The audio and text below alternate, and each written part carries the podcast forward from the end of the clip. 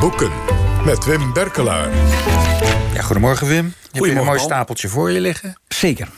Uh, meteen wat er geen, enkel echt dunnetje bij? Zit er ook een, een eh, eh, de zomervakantie begint bijna. Ja, zeker. Zit er, zit er een lekkere Ja, vakantie? eh, Nee, zonder daar, ga ik op komen. Nee, Ja? het boek van de maand, dat ga ik noemen, maar dat verklappen we nog niet. Oké, waar beginnen Eh, we ik mee? begin met een, eh, een boek van een, eh, niet van historicus, maar van een goede onderzoeksjournalist, onder meer van The Guardian.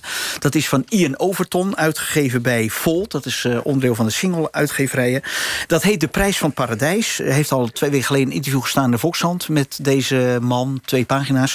En dat heeft eh, als ondertitel De invloed van zelfterrorisme op onze samenleving. Nou, let op, eh, dus je zou zeggen, het is een actueel en actualistisch boek. Het gaat natuurlijk over de huidige tijd en wat te doen met zelfmoordaanslagen wereldwijd, Europa, maar ook elders. Hij gaat ook echt heel goed in op uh, Maar dat is er nog niet één voor ontspannen op het strand. Nee, dat zou ik niet. Op, hoewel het uh, enorm goed leest. Maar het heeft ook een historisch component. Kijk, wat hij doet. Hij laat dat boek beginnen op zondag 1 maart uh, 1881. Als het tsaar Alexander II opgeblazen wordt. Die wordt opgeblazen in een soort ongelukkige uh, soort van aanslag. Rijdt in een koets. Uh, vervolgens, uh, er wordt een aanslag gepleegd met een bom op die Alexander. Dat lukt niet. Vervolgens een van de andere samenzwerders loopt op hem af, blaast hem op en blaast ook zichzelf op. Hij ziet daarin het begin van, laten we zeggen, tussen aanhalingstekens, de zelfmoordcultus. Nou, dan laat hij dat lopen uh, via uh, de Tamil-tijgers, uh, de kamikaze, Japanse kamikaze-piloten, Tamil-tijgers. Je kent Sri Lanka. vervolgens gaat hij naar Iran. Ik ga snel door de geschiedenis heen, we hebben niet te veel tijd. 1980, en dan zegt hij de grote boost van zelfmoordaanslagen in de islamitische wereld, want dat behelst wel 300 pagina's van dit boek. Hè. 200 pagina's is historie, en 300 pagina's gaat hij echt praten met slachtoffers, met daders, ook met, laten we zeggen, mislukte daders tussen aanhalingstekens. Uh, en dan zegt hij, het begint bij Iran. Uh, dat, de fatwa's van Khomeini. de Iran-Irak-oorlog, 80-88... waarin dus kinderen en ook volwassenen gewoon... tegenover de overmacht van Saddam Hussein... natuurlijk door ons uit het Westen volledig volgepompt is met wapens. Zij gooien dan jonge mannen in de strijd. En dat is dan, door de fatwa's van Khomeini... zou dan begin zijn van de islamitische herleving van de, van de aanslagen. En dat is dan overgenomen door de Soenieten die Soenieten die geen centraal gezag hebben, dat doet hij wel goed, vind ik.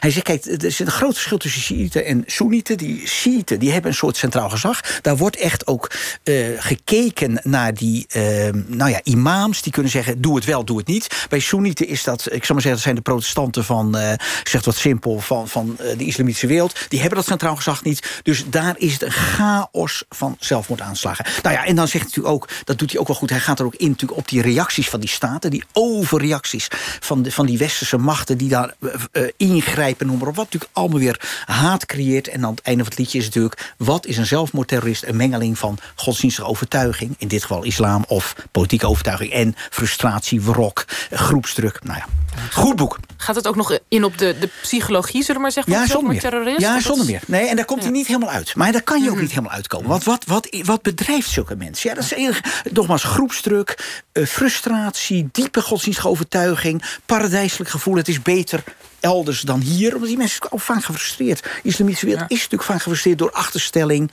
kolonisatie enzovoort. Wim, je hebt nog meer boeken liggen. Ja, zeker. We gaan door. gaat ook over heel ander boek. Heel die, ander boek. Maar gaat ook over diepe religieuze overtuiging, toch of niet? Gaat ook over diepe religieuze overtuiging. Maar let op, het is wel leuk te zeggen. Dit is een leerling van uh, onze gewaardeerde Willem Vrijhof. Dat is Fred van Lieburg. Die is gepromoveerd ooit bij Arie van Deursen. Maar hij zegt altijd tegen mij: mijn echte leermeester is Willem Vrijhof. Dat boek heet Synodestad. Dordrecht 1618, 1619. Klinkt niet echt spannend, Wim. Nee, en toch is het wel spannend. Nee, dat, dat zou je zeggen, vriend, maar ik ga jou in twee minuten overtuigen.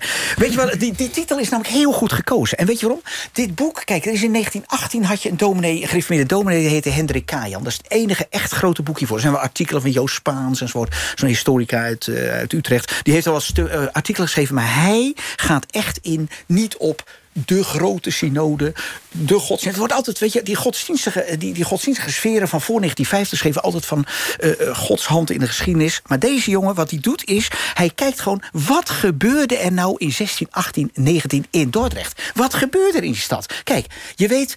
Wie kent nog Saarboerlagen? Zeg ik even tegen de luisteraar. Saarboerlagen, die activisten die in 1992 de Olympische Spelen in Amsterdam probeerden tegen te houden. Nou, die synode in 16, 18, 19. Nu je het zegt, denk ik, ja, maar ik moest ook even nadenken. Ja, je moest even nadenken. Ja. Ik leg het even uit. Maar let op, die synodestad Dordrecht, dat was een soort Olympische Spelen in Dordrecht. Kijk, er was de vraag, waar houden we die synode? Je weet, we hebben het twaalfjarig bestand. Eh, het wordt gepolitiseerd. Eh, Prins Maurits die kiest eh, de kant van de contra-remonstrant. Dat staat ook allemaal in het boek. Eh, kiest tegen Oldenbarneveld. Oldenbarneveld verliest daar letterlijk bij zijn hoofd in 1619. En dan is de vraag, wat doen we nou met die leergeschillen? Die leergeschillen gaan hierom...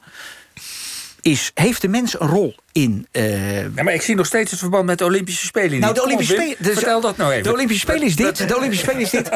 Er komen honderden mensen naar die stad. Die eh, geleerden. Je uit- moet broodjes hebben, bier hebben. Juist, en Ja. inkwartiering. Dus let op. Je hebt een van de hoofdrolspelers in dit debat, in deze discussie, is ehm Franciscus Schomaris, hoogleraar theologie in Groningen. Die man, die, moet, die komt naar Dordrecht. Ja, dat, dat, dat gaat daar, in de Kloveniersdoelen in Dordrecht. Dat gaat een aantal eh, dagen en weken, is die synode bij elkaar. Dus wat doet je? Die man moet daar leven. Die man is een eerstklas lastpost. Bij gezin 1 komt hij binnen en die denken na een paar dagen, weg met die man. Surpiet. Dan moet hij weer door. Fred schrijft dat kostelijk op. Het is echt, dit is een aardsboek over een hoog verheven theologisch onderwerp. Zeer aanbevolen. Uitgeven bij Prometheus. Goed, boek Eh, heb ik nog even tijd? Ja. Ja, ja, ja. Jongens, dan gaan we hier zitten. eh, twee gewaardeerde collega's, eh, Ulbe en Pepijn... die bij het ISG gewerkt hebben of nog werken, bij verbonden zijn. Ik heb er zelf ook ooit vijf jaar rondgelopen. Ja, dit boek wilde ik per se even lezen. Dit is van, geschreven door Huub Sanders. Die heeft 30 jaar op het ISG gewerkt. Dat heet, de titel zegt al iets... Het virus der betrokkenheid. Het Internationaal Instituut voor Sociale Geschiedenis 1935-1989.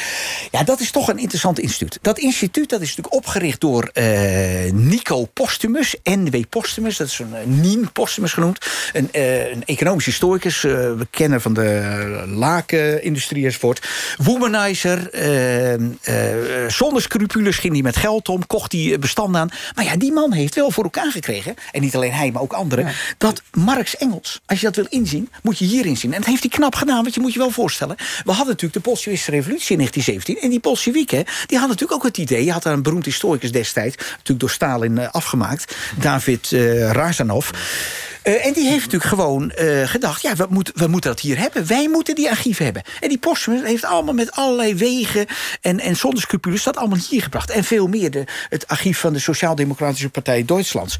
eh, wat natuurlijk na Hitler in exil moest... ja, dat is ook hier gekomen. Is overgebracht naar Engeland uiteindelijk. Ja, het, het is een fascinerend instituut. En het stopt ook heel goed in 1989... want het is nu een keurig academisch instituut. Maar ja, voor die tijd liepen er hobbyisten rond. Ik noem je de anarchist Arthur Lening. Die nam archieven mee naar huis van Bakunin. En zat hij thuis te prutsen aan die dingen. Ja, dat is nu ondenkbaar. Ik zie Ulp of Pepijn al die archieven mee naar huis nemen. Ondenkbaar. Fascinerend boek. Eén ding, één kritiekje is... maar dat heb je vaak bij academische proefzitten. Hij doet een iets te lange, keurige inleiding... over de stand van de historiografie. Ja, dat kun je allemaal elders lezen. Maar goed, verder, Ja. interessant boek. Pepijn en Ulbe, heel korte reactie. Hebben jullie het al gelezen? Stukken. Ja. en herkennen Ja. jullie eh, Ja, het, is, het het is een instituut prachtig, terug? prachtig boek over het instituut. En het haalt ontzettend veel naar boven. Over het roerige leven toch van dat instituut. hè. Nou en of, Ja. nou en of. Roerig leven, roerige figuur ook. Ja, absoluut. Oké, het boek van de maand. Ja, het boek van de maand. Ja, Paul die zei al een beetje van... ja, jongens, heb je nou een beetje een leuk boek voor de vakantie? Nou, dat heb ik zeker. Dat is van een Canadese historicus. Dat heet eh, Mark Broad. Uitgeven bij Balans. Het heet De Onzichtbare Keizer, Napoleon op Elba. Kijk, als wij nou aan Napoleon denken... dan denk je in de eerste plaats aan de imperator. eh, de man van de massaslachtingen... en de, de tocht naar eh, eh, Rusland uiteindelijk. Maar ook slag bij Austerlitz. de volkenslag bij Leipzig. Duizend mensen natuurlijk ten onder gegaan. De pracht en praal.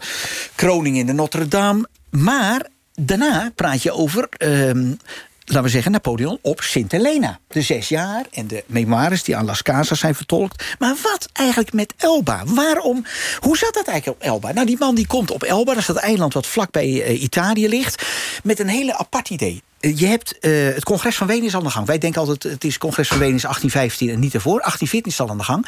En het is tsaar Alexander I die zegt... die Napoleon uit een soort hoffelijkheid... die, moet, die moeten we niet te ver verbannen, die kan naar Elba. En dan we hem ook nog eens uit het koningschap. Op Elba, moet je je voorstellen. De man is verslagen Ja. en hij gaat op Elba koninkje spelen. Alsof we na de Tweede Wereldoorlog Hitler Schiermonnikoog hadden gegeven. Ja. Nou, ik zou zeggen, ja, nou, nou is eh, Napoleon niet helemaal Hitler... maar hij heeft er wel duizenden dood in gedreven. We moeten ook niet, niet, eh, niet te sympathiek over Napoleon denken. Ehm, Maar inderdaad, maak de vergelijking. Nou goed, hij zit er op Elba. En waarom die titel goed is, de onzichtbare keizer... hij is onzichtbaar voor Europa in Wenen. Maar dat hele congres draait natuurlijk om die man. Iedereen denkt in de achterhoofd... Napoleon. Tegelijkertijd is die, is die geen keizer meer. De pracht en praal is weg. Die man is natuurlijk gewoon, zit op Elba. En op Elba is hij gewoon ja, hij is wel koning op zijn manier, maar ja, toch een soort koning zonder land. Dus hij wordt door die Albanen, wordt hij, ehm, nou ja, bekeken, besnuffeld. Eh, hij moet een praatje maken, ik zou maar zeggen, hij moet een boodschap doen. Heel merkwaardige situatie. Hij heeft een aantal getrouwen die met hem meegaan.